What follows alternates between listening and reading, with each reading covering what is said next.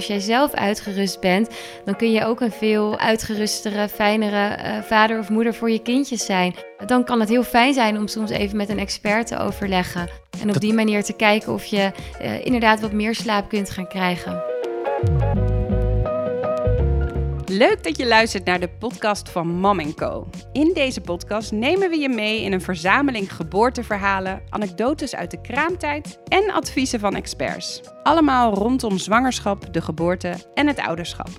Mijn naam is Aline. Ik ben verloskundige en moeder van Kobe. Hey mama. Ook ben ik de founder van Mam Co, waar we empowering cursussen geven voor zwangere en partner rondom zwangerschap, de geboorte en de periode daarna zodat je goed voorbereid bent op alles wat komen gaat.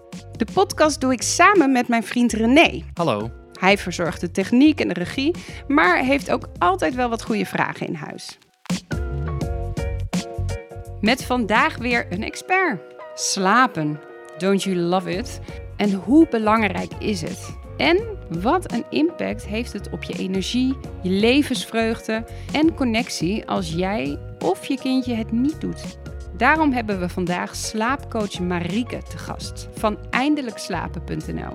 Ze vertelt ons waar gezinnen tegenaan lopen, wat je eraan kan doen en wat het oplevert als het verbetert. René, wil jij vandaag? Ja, ik vind het wel lekker als jij uh, de openings doet. Dus, uh, ja, dat wil jij altijd. Ja, vind ik wel fijn. Kan beetje... Heb je slecht geslapen of zo vandaag dat je dat niet wil? Nou. Heel flauw bruggetje naar onze eh, gast van vandaag, Marieke. Welkom. Ja, dankjewel. Uh, het, het flauwe grapje is slapen, want jij bent even kort door de bocht ben jij een, een slaapcoach, toch? Ja, dat klopt inderdaad. Ja. Een beetje een, een brede vraag, maar uh, wat is jouw motivatie om, om bij ons te komen spreken over dit onderwerp? Ja, het lijkt mij uh, uh, heel leuk om uh, jonge ouders die deze podcast luisteren, of misschien mensen die in verwachting zijn hè, van, van een kindje, um, wat meer te vertellen over slaap en ook wat je kunt verwachten in die eerste maanden. Ja, helder. En dat is mega waardevol, want dat wil je. Want slaap in de eerste maanden na de geboorte, ja, je kunt je eigenlijk niet op voorbereiden hoe het gaat zijn bijna niet. Maar het is denk ik wel lekker als we hier al een beetje kunnen delen. Dat je een beetje kan weten wat je mag verwachten ongeveer.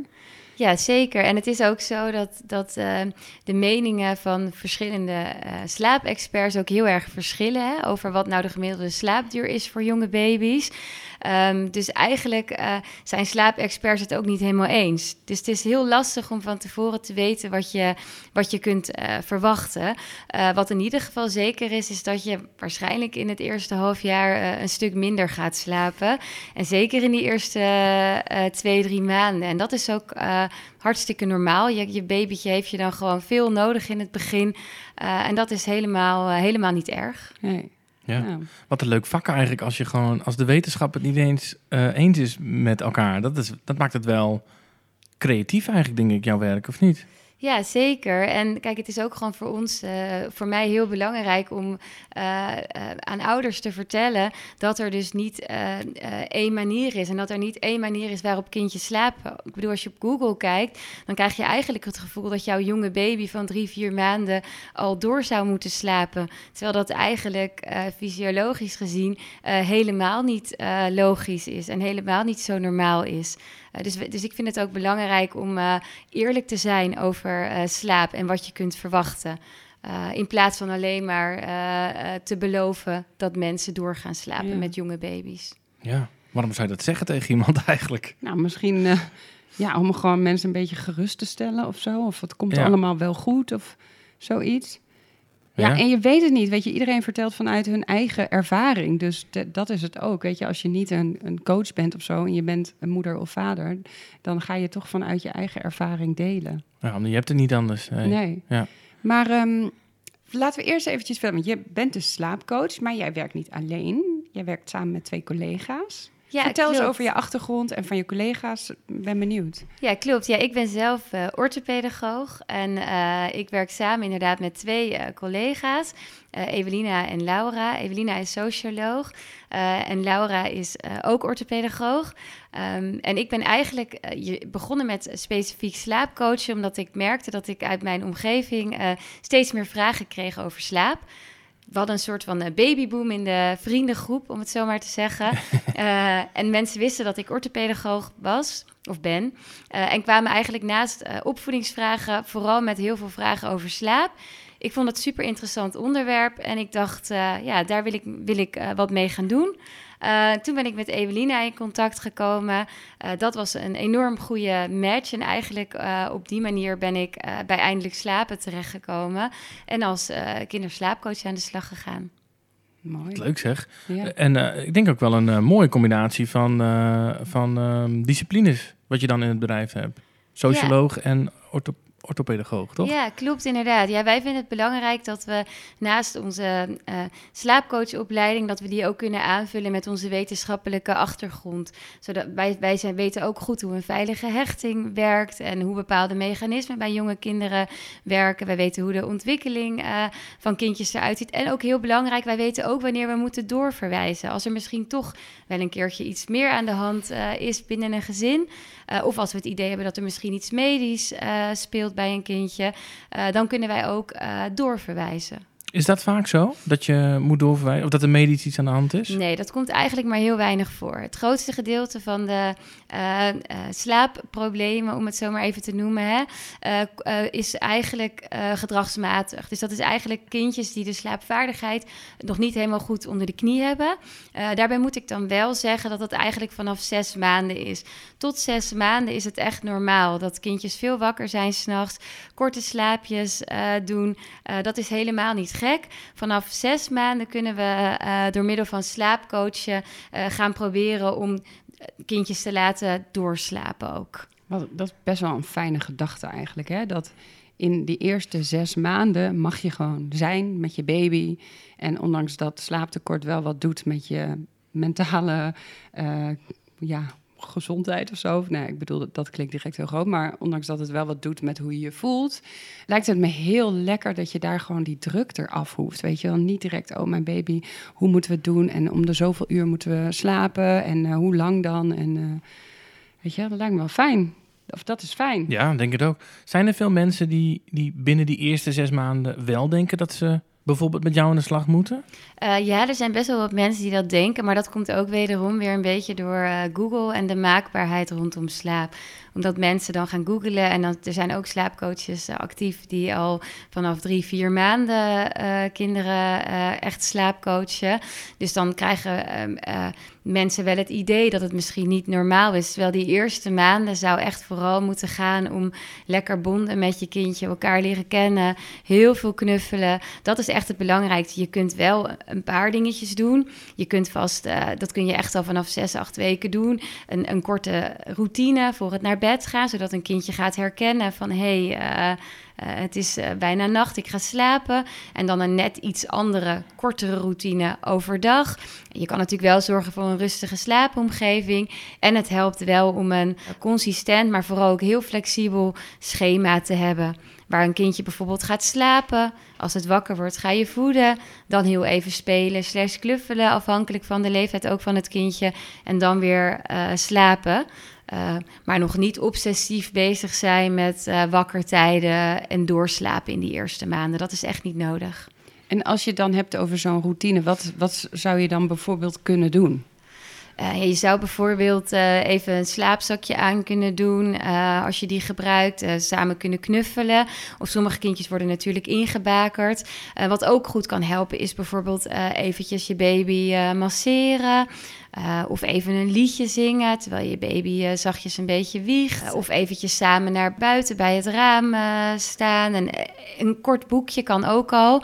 Ook al hebben, kunnen kindjes natuurlijk nog niet echt heel erg veel met zo'n boekje. Het is vaak prettig om de stem te horen van de ouders. Het kan echt van alles zijn. Um, we, we, zeggen altijd bijvoorbeeld drie verschillende stapjes achter elkaar. Ja. En dan kun je echt iets kiezen wat bij jou past ook ja. als persoon en als gezin. En, en, ik, en ik begrijp uh, uit, jou, uh, uit jouw woorden routine dat dat dan een soort riedeltje moet zijn dat je dan dat je herhaalt. Hè? Dat je dat elke dag eigenlijk doet. Ja, klopt. Eigenlijk doe je inderdaad. En dan doe je s'avonds bijvoorbeeld net iets uitgebreider uh, dan overdag. Dus overdag doe je bijvoorbeeld uh, twee korte stapjes. En s'avonds doe je bijvoorbeeld drie of vier uh, korte stapjes. Zodat je kindje op termijn ook het verschil gaat herkennen tussen dag en nacht, als het ware. Uh, en inderdaad, je herhaalt ook sowieso een beetje de routine steeds. Hè, van slapen, voeden, even knuffelen, slash uh, spelen. Ook afhankelijk van hoe oud je kindje is en hoe lang het wakker kan blijven. Mm -hmm. En daarna weer lekker uh, slapen. Maar geen strakke schema's met, met exacte wakkertijden nog. Nee. En dan als je niet een ouder kindje hebt... of als je de mogelijkheid hebt om zelf te slapen... ook zelf gaan slapen in ja. die slaapjes ergens, als het ja. lukt. Ja, dat is Ja. een goede tip, toch? En ook als je bijvoorbeeld borstvoeding geeft s'nachts, dan kun je ook aan je partner vragen of die bijvoorbeeld na de voeding de luier wil verschonen. eh, of nog wat, wat anders wil doen wat er misschien nog moet gebeuren, zodat je net weer eh, wat eerder naar bed kan. Ja. Eh, en inderdaad, wij geven ook altijd aan, vraag ook hulp aan je omgeving. En pak inderdaad zoveel mogelijk eh, slaap. Dat is echt belangrijk Ja. in die eerste periode. Ja, want als je jezelf goed voelt, dan kun je beter omgaan met nou ja, je kindje en waar je, wat je tegen, waar je tegenaan loopt. Ja, ja, en ik herinner me ook wel van die, die eerste, echt die prille periode. Dat, dat wij ook, wel, wij deden dan graag alles samen en zo. En er waren best wel momenten dat, dat ik zou kunnen slapen, maar toch wakker bleef eh, door de situatie. En, ehm, ja, en als het niet hoeft, misschien, dan, dat de partner ook kan slapen, zodat de partner op een ander moment weer eh, Ja, volgens kan mij hebben we dat ook ondersteunen. gedaan. Ja, Ja, we- precies, We dat deden we. net al, toen we even aan het voorbespreken waren, dat het best wel lastig is om terug te gaan in... Hoe was dat ook alweer? Voor ons was Ja, het natuurlijk vier ja. jaar geleden. Hoe was dat ook alweer? Je vergeet het snel, hè? Ja, maar ja, je vergeet het snel omdat je ook gewoon weinig sliep. Dus ja, Ja. mijn brein kon ook niet alles onthouden. er waren ook nog iets van hormonen die door je lichaam gaan. Ja. Maar volgens mij hebben wij gedaan, want ik had een keizersnede, dat wij eh, de eerste twee, drie weken of zo, dat jij echt actief hielp in de nachten ook. En daarna was het niet meer zo nodig dat jij hielp, omdat ik zelf wel mobiel genoeg was. Dan kon jij de nachten doorslapen. En had jij overdag weer wat meer body om de boel te trekken. En kon Ja. ik overdag af en toe slapen. Hoe heb jij Mhm. dat zelf gedaan? Want jij hebt een, een dochtertje, Olivia, van 2,5. Hoe was dat voor jou? Ja, klopt. Nou ja, ik, eh, mijn dochtertje Olivia, die sliep eigenlijk al vrij snel heel goed. En dat heeft eigenlijk niks te maken met mijn achtergrond als slaapcoach. Dat is echt gewoon geluk hebben. Ehm, dus die heeft eigenlijk altijd wel eh, goed geslapen. Eh, maar daarnaast deden wij ook wel afwisselen hoor. En gewoon echt zorgen dat je af en toe je rust kon pakken. Mijn vriend ging heel graag in die eerste weken, wilde hij heel graag even hardlopen 's ochtends. even een momentje voor zichzelf. Eh, dus voor dat soort momentjes zorgden wij. Eh, en we, we verdeelden de zorg goed, zodat we allebei wel zo uitgerust mogelijk waren. Want als je zelf eh, heel moe bent en misschien ook wel wat meer stress eh, ervaart, ja, dan gaat je kindje dat ook natuurlijk voelen. En daar gaat een kindje natuurlijk ook niet beter van slapen. En dan krijg je vaak ook een beetje zo'n visueuze cirkel die dan ontstaat. Ja. Ehm, maar nee, Olivia die sliep eigenlijk, nou ja, dus best wel heel goed. Kan bij een tweede kindje eventueel, als we, als we die ooit mogen krijgen, misschien nog, kan dat compleet anders zijn. Want temperament heeft ook een hele belangrijke invloed op slaap. Dus kindjes die een wat gelijkmatiger temperament hebben, die niet zo gevoelig zijn voor harde geluiden, eh, die gewoon al vanaf het begin af aan redelijk rustig zijn, en misschien ook wel minder huilen. Dat zijn vaak ook de kindjes die wat makkelijker slapen. Terwijl de kindjes die Oh. alerter zijn, die alles zien, alles doorhebben, eh die wat gevoeliger zijn, dat zijn vaak de kindjes eh, die wat meer hulp nodig hebben van papa en mama met slapen. Het is hetzelfde natuurlijk als je volwassen bent en veel gedachten hebt of eh, veel prikkels hebt of zo, dan kun je ook minder goed in slaap komen. Toch? Ja, je, moet gewoon, precies. je moet gewoon alles wat je leert. En kindjes leren elke dag alleen maar nieuwe dingen. En als wij op één dag eh, al twee nieuwe dingen leren, dan denken we al, woe. dus eh, het, is, het is ook heel verklaarbaar. Ja, precies. En jonge kindjes, die hebben nog, niet, nog geen zelfregulerend vermogen. Dus nog niet het vermogen om zichzelf te kunnen kalmeren en troosten. Ehm, dus die hebben daar echt de ouders eh, voor nodig in het begin. En vanaf vier maanden gaat dat vermogen gaat zich langzaam ontwikkelen. Eh, en dan vanaf zes maanden kun je dat ook echt een beetje op een wat, actiever gaan aanspreken en verder versterken. En daarom eh, doen wij ook echt slaapcoaching, ook gericht op, op, op wat meer doorslapen in de nacht. Echt altijd pas vanaf zes maanden. Ja, daarna pas. Ja, ja, echt pas daarna. Oké, nou dat is ook een mooi momentje om eens een sprongetje te maken voor om mensen dat, uh, zodat mensen dat kunnen inbeelden. Want als je na die zes maanden zit, ja, ik heb hier heel overdreven staan. wat gaat er dan mis? Weet je, waar gaat het mis? Wat, wat zie jij dan? Wat gebeurt er dan bij kindjes en ouders? Nou ja, wat we vaak uh, zien, hè, sowieso als ouders bij ons komen met zes maanden, hè, ze, hebben niet, ze hebben sowieso niet iets verkeerd gedaan. Want die eerste, je, je kindje heeft gewoon veel geborgenheid nodig als jonge baby. Dus je hebt sowieso niks verkeerd gedaan. Als je bij ons terechtkomt, je hebt altijd natuurlijk vanuit je beste uh, weten, heb je voor je kindje gezorgd. We merken wel dat kindjes vanaf zes maanden vaak uh, wel wat meer behoefte krijgen om die slaapvaardigheid te ontwikkelen. En als je bijvoorbeeld je kindje elke dag in slaap wiegt, nou, naarmate je kindje steeds ouder wordt, wordt dat natuurlijk steeds zwaarder om te houden. Ik heb ook wel eens kindjes van anderhalf die nog elke dag in slaap worden gewiegd. Maar ja, die zijn natuurlijk een stuk zwaarder. Dus dat lukt dan niet meer. Uh, of duurt heel lang. En vaak als kindjes uh, wakker worden s'nachts, gaan ze eigenlijk op zoek naar dezelfde omstandigheden als hoe ze met bedtijd in slaap zijn gevallen. Dus als ze met bedtijd heel veel hulp hebben gekregen, door bijvoorbeeld door wiegen of met een fles of een borst in slaap zijn gevallen, dan willen ze eigenlijk als ze s'nachts wakker worden, hebben ze geen idee hoe ze dan weer opnieuw in slaap moeten vallen. En dan hebben ze eigenlijk weer datzelfde hulpmiddel, wij mhm. noemen dat dan een slaapassociatie, hebben ze dan weer nodig. En dat kan soms meerdere keren in de nacht uh, voorkomen. Uh, dus vaak hebben we dan bij bedtijd gaan we eraan werken om op een goede manier uh, de, de geruststelling, of bijvoorbeeld het wiegen of de fles die je nog geeft, om die af te bouwen op dat specifieke moment. Waardoor een kindje zelfstandig leert in slaap te vallen. En dus echt die slaapvaardigheid gaat ontwikkelen. Ja, oké, ja. Dus we gaan kindjes dan echt, uh, we gaan er dan naartoe werken, dat kindjes wakker in bed gaan uh, en er echt een kwartiertje in ieder geval over doen om in slaap uh, te vallen, zodat ze die vaardigheid ook kunnen gaan inzetten als ze in de nacht wakker worden. Nou, je hebt het over slaapassociaties. Dat zijn dus eigenlijk trucjes die je, je, je kindje aanleert en die ehm, ja, die niet handig zijn, omdat ze dat dan vervolgens dus altijd nodig hebben. Hè? Zo, begrijp ik het zo goed? Ja, het is niet per se dat het... Want soms is het heel bruikbaar, zeker in de eerste maanden. Het is echt volledig normaal om jouw kindje gewoon in slaap te wiegen... of met de borst in slaap te vallen. Ja, maar op een gegeven moment moet je daar dus ja, moet je dat gaan afbouwen. Meestal dus. wil je daar op een gegeven moment inderdaad vanaf, omdat sommige kindjes uh, met, met die slaapassociaties niet, het niet lukt om die langere mm uh, stretches in de nacht te gaan pakken. Dus dan is inderdaad, uh, als je kindje minimaal zes maanden is qua leeftijd, is het goed om aan de slag te gaan dat je kindje wat zelfstandiger in slaap gaat vallen met bedtijd. En dus inderdaad zonder die associaties te gebruiken, zodat je kindje die associaties ook niet meer nodig heeft in de nacht. Ik dacht, misschien is het ook wel uh, mooi om te benoemen, en misschien weet jij hoe dat specifiek is, dat een kindje in principe de eerste vier jaar van zijn of haar leven, uh, of dienstleven, gewoon ook wat meer nodig heeft. Dus dat het compleet normaal is dat een kindje nog niet helemaal doorslaapt. En dat je zelfs als een kindje vier jaar is, dat je dan nog steeds in de nacht misschien bezig bent.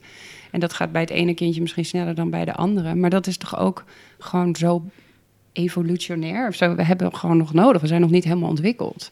Ja, klopt inderdaad, zeker. Ja, dat is absoluut waar. Kindjes hebben gewoon veel geborgenheid nodig. Als je baby's vergelijkt met, uh, met uh, andere uh, zoogdieren, zo gezegd, hè, komen baby's veel afhankelijk, komen mensenbaby's natuurlijk veel afhankelijker ter wereld. Ja, ja. En dat, hebben, dat heeft dus ook inderdaad met, met slaap speelt dat een rol. En ook als jouw kindje op een gegeven moment goed doorslaapt, dan blijft het inderdaad normaal bij jonge kinderen dat je af en toe gewoon een slechte nacht zult hebben of een paar slechte nachten.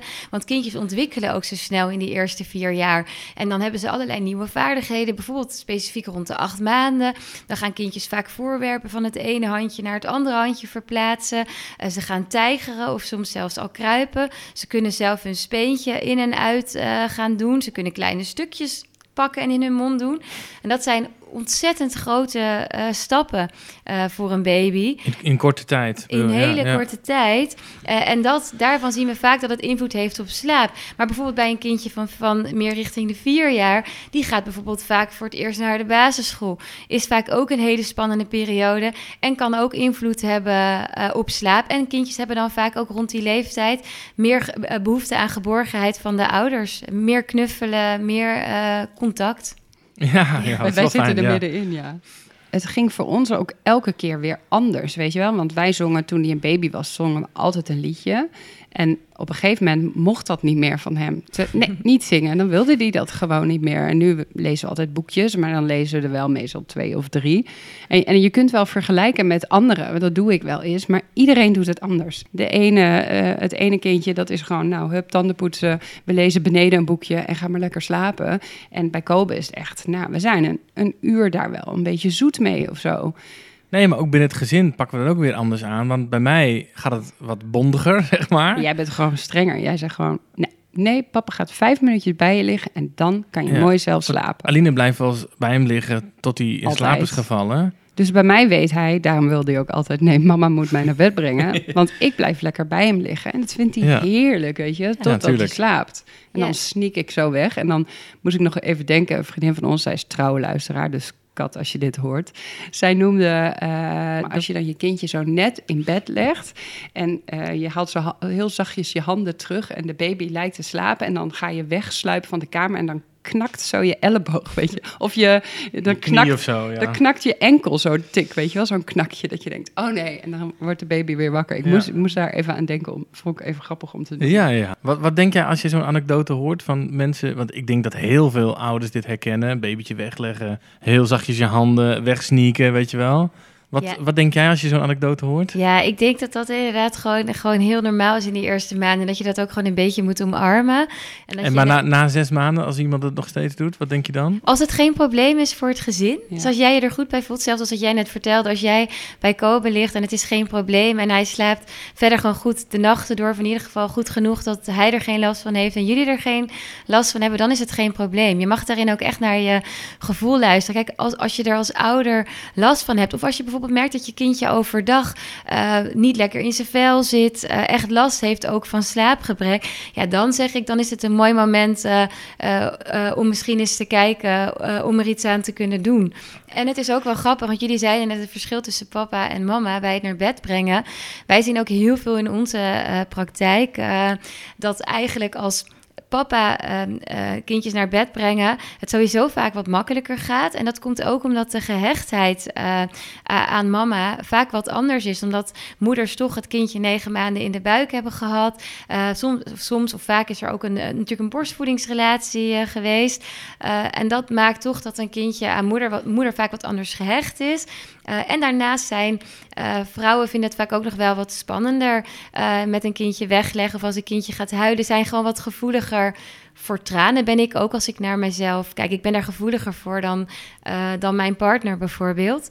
dus dat maakt vaak ook dat kindjes net iets makkelijker afscheid nemen van papa bij slaapjes dan bijvoorbeeld van mama. Ja. Interessant, interessant stukje dit, leuk. En ik denk fijn voor mensen om te horen dat als jij een routine voor jezelf hebt gevonden die voor jou goed voelt, ja, dan hoeft het dus niet aan allerlei regeltjes te voldoen.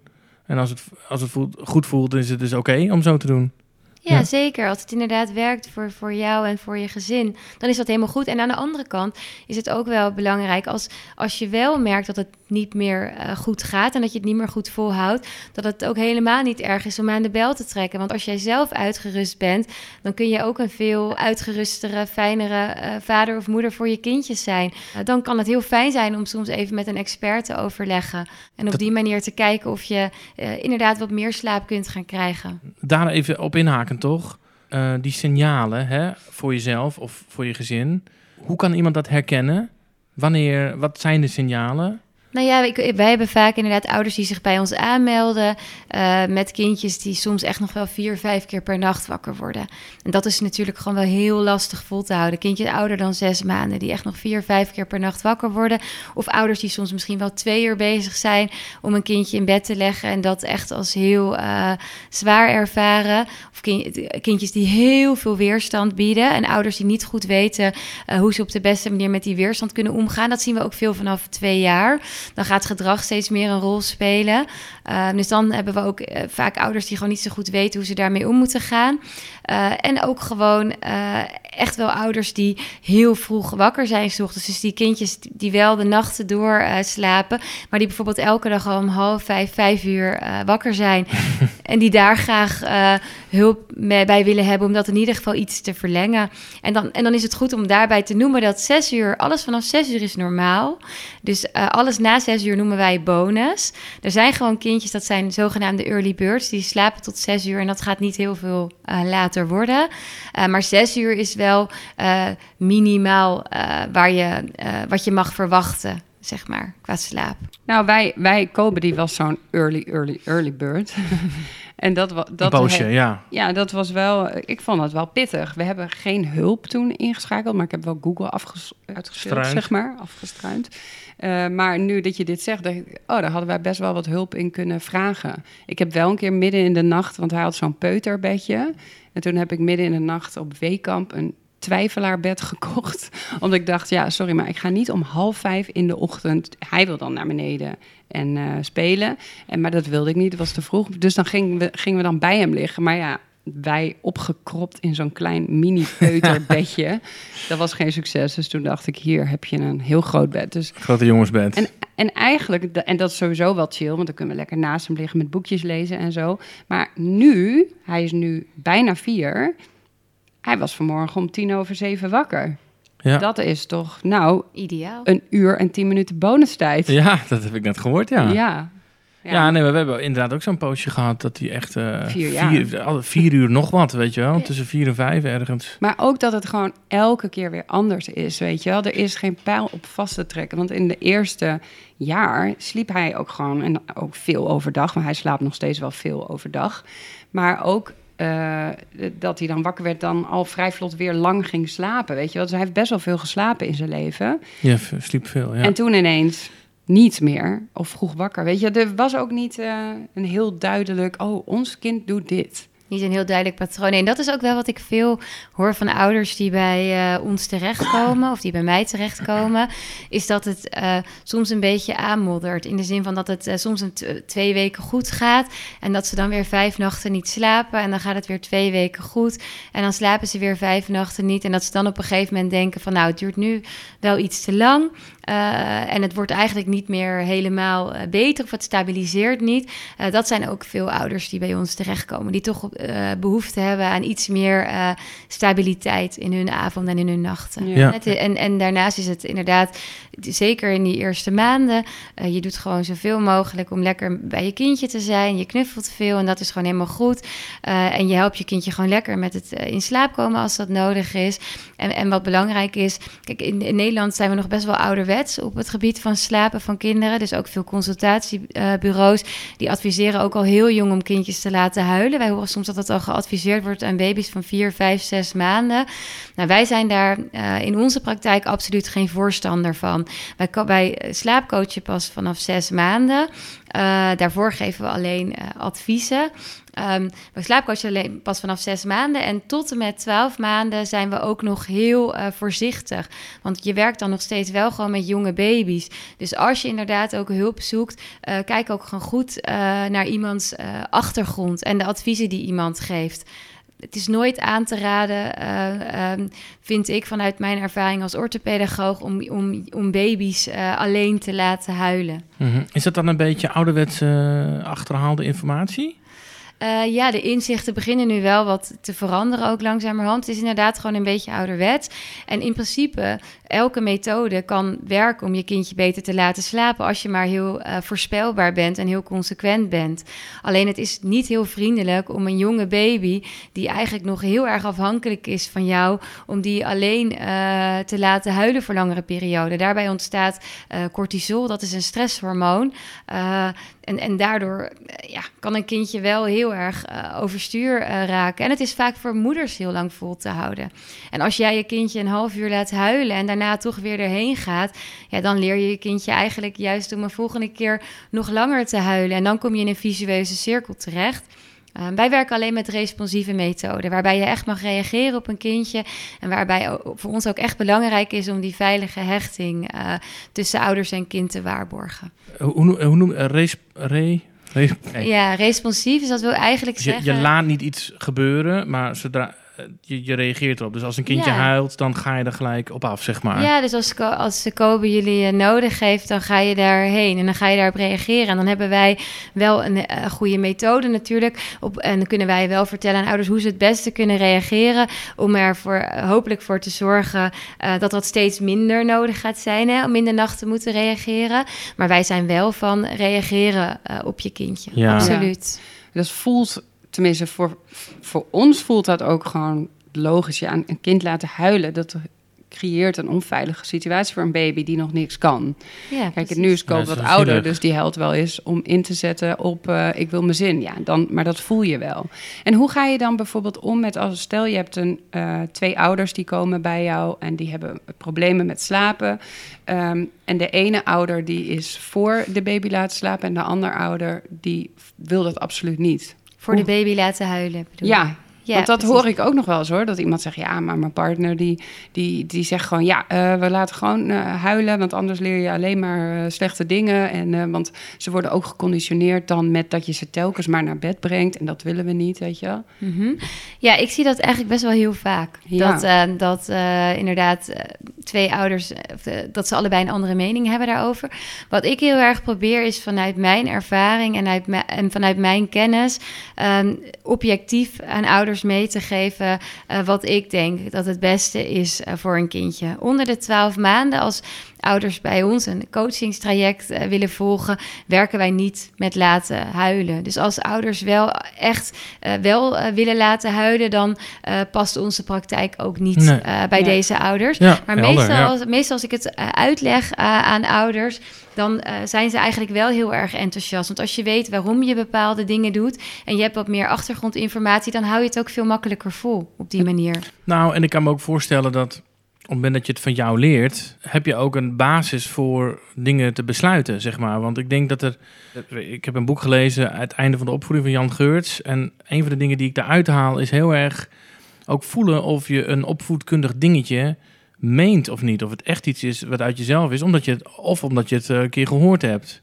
Dus met het voorbeeld van huilen. Als jij een keer hebt gehoord, ja, je moet uh, van je oma of zo. Uh, of zo, we zijn zo opgegroeid, weet je wel. Heel ja. veel mensen zijn zelf, werden zelf, uh, hun ouders lieten hen zelf laten huilen. Ja, ja, ja. Dus, mm-hmm. dus als jij op die manier hebt gehoord, laat je kindje maar huilen, dan komt het dus niet uit jezelf. En dan is het ook heel lastig om erachter te staan, lijkt me. Ja, ja, nee, dat is ook zeker zo. En wat ook uh, uh, wel leuk is om te vertellen is, kijk, huilen is niet alleen maar slecht natuurlijk, want huilen is ook een communicatiemiddel.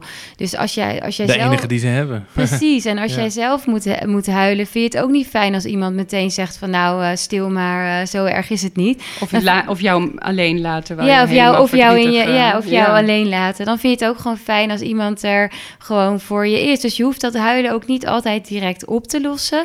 Soms is het ook gewoon voldoende om dan in de kamer uh, aanwezig te zijn. Want je wil kinderen ook ruimte geven voor emoties. Want als kinderen leren hoe ze met die emoties om kunnen gaan, ja, daar uh, ontstaat die zelfregulatie. En die zelfregulatie is gewoon heel erg belangrijk. Ja. Dus er moet een balans, uh, er moet ook wel een goede balans zijn. In Nederland zijn we enerzijds uh, heel erg geneigd om heel snel te sussen als een kindje huilt. Mm -hmm. En heel snel te wiegen en van alles te doen. Um, uh, nog en meer prikkels. Ja, nog meer prikkels. En dan ben je eigenlijk een kindje ook heel erg aan het afleiden. Terwijl het vaak ook gewoon voldoende is om je kindje lekker vast te houden. Mm -hmm. uh, zodat het zelf uh, rustig kan worden. En anderzijds zijn we dus heel erg geneigd uh, om dan wel te zeggen met slapen van la laat je kindje dan maar wel huilen. Ja. Wat natuurlijk eigenlijk heel tegenstrijdig uh, is. Ja, en, je, je, moet het eigenlijk zo zien dat jij het zenuwstelsel op dat moment bent voor je kindje. Dus het kindje kan het nog niet zelf reguleren, dus, maar jij kan dat wel. Dus wat, doordat je zelf rustig bent en zelf bij jezelf blijft, kun je gewoon voor je kindje de, de zachtheid bieden om ook weer die rust te vinden in het eigen lijfje. Ja, bij de, in, in, in de veilige omgeving, inderdaad, Precies. in de nabijheid van een ouder. En dan zul je dus in de eerste 0 tot 6 maanden zul je veel meer co-regulatie hebben. En na zes maanden zal, kun je dat langzamerhand uh, steeds meer gaan ontwikkelen richting meer uh, zelfregulatie. Dus dan zul je als ouder langzamerhand minder uh, co-regulatie hoeven toe te passen. Ja. En, en, en uh, huilen, dat doet natuurlijk heel veel met ons eigen stresssysteem. Dus dat is best intens.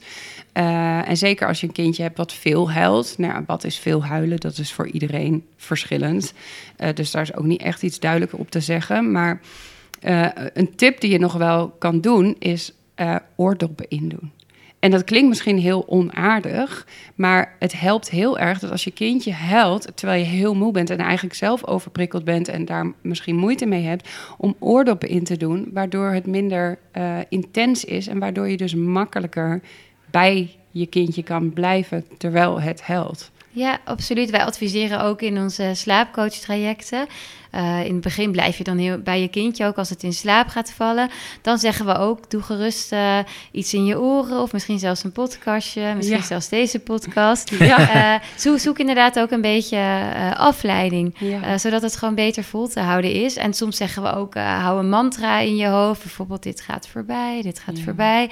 Maar want als jij zelf niet rustig kunt blijven, dan wordt het heel lastig om je kindje in slaap te krijgen, omdat jouw kindje dat voelt. Ja, het gewoon de energie. Ja. Hoe zachter je zelf bent, hoe zachter een kindje kan worden. Precies. Ja. ja. Ik kan me voorstellen dat als je een, een, een coachtraject doet, dat het je wat oplevert, zeg maar. Dat, het, dat de dingen veranderen binnen het gezin, binnen persoonlijkheden, bij je kindje. Wat kun je daarover vertellen? Wat levert het je op? Ja, dat is wel leuk. Wij krijgen heel regelmatig berichtjes, uh, e-mails van mensen. Het kan echt wel je leven veranderen natuurlijk. Als jij vijf, zes keer per nacht uh, wakker werd en je hebt nergens energie voor... en je gaat daarna weer doorslapen, wat we ook bij een groot gedeelte van onze gezinnen uh, daadwerkelijk bereiken... dan is dat natuurlijk fantastisch. Dus ja, voor mij is het allerleukste van mijn werk is wel die voldoening. Dat, dat, dat ouders zich beter voelen, dat gezinnen beter gaan slapen. Ik hoor ook vaak dat kindjes overdag veel relaxter zijn, dat ze vrolijker zijn. En dat is waar ik het allemaal voor doe. En ook dat ouders weer wat meer de vrijheid voelen om eens een keer met vrienden te eten in het weekend of met familie, zonder dat ze zich zorgen hoeven te maken dat ze vijf keer naar boven hoeven tussendoor. Um, dus ja, het kan je zeker enorm veel opleveren. En mij persoonlijk levert het heel veel voldoening op om met deze, ja, met deze doelgroep, met deze gezinnen te werken. Ja, ja, jij vertelde ook toen we elkaar telefonisch spraken. Als je echt nou, problemen hebt, om het maar even zo, zo, zo te benoemen. Ja, dan ga je natuurlijk ook niet zo makkelijk een oppas regelen die niet zo ervaring heeft of niet opgeleid is. Dus je gaat natuurlijk ook minder doen. En dan kan je weer meer doen. Dat is natuurlijk ook zo. Ja, het, precies. Je kunt weer meer gaan ondernemen. En ik heb ook echt ouders die uh, ook zeggen dat de relatie onderling verbeterd is. Want die kan natuurlijk ook wel echt onder druk komen te staan als je zo uh, weinig slaapt. En als je misschien soms ook een verschillend inzicht hebt over hoe dingen aan te pakken. Dus dat hoor ik ook heel veel. En inderdaad, ouders die ze weer met een gerust hart bij opa en oma durven te brengen.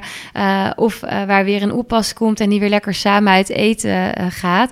Want ja, die balans is ook heel erg belangrijk. Dat je ook gewoon leuke dingen doet als gezin.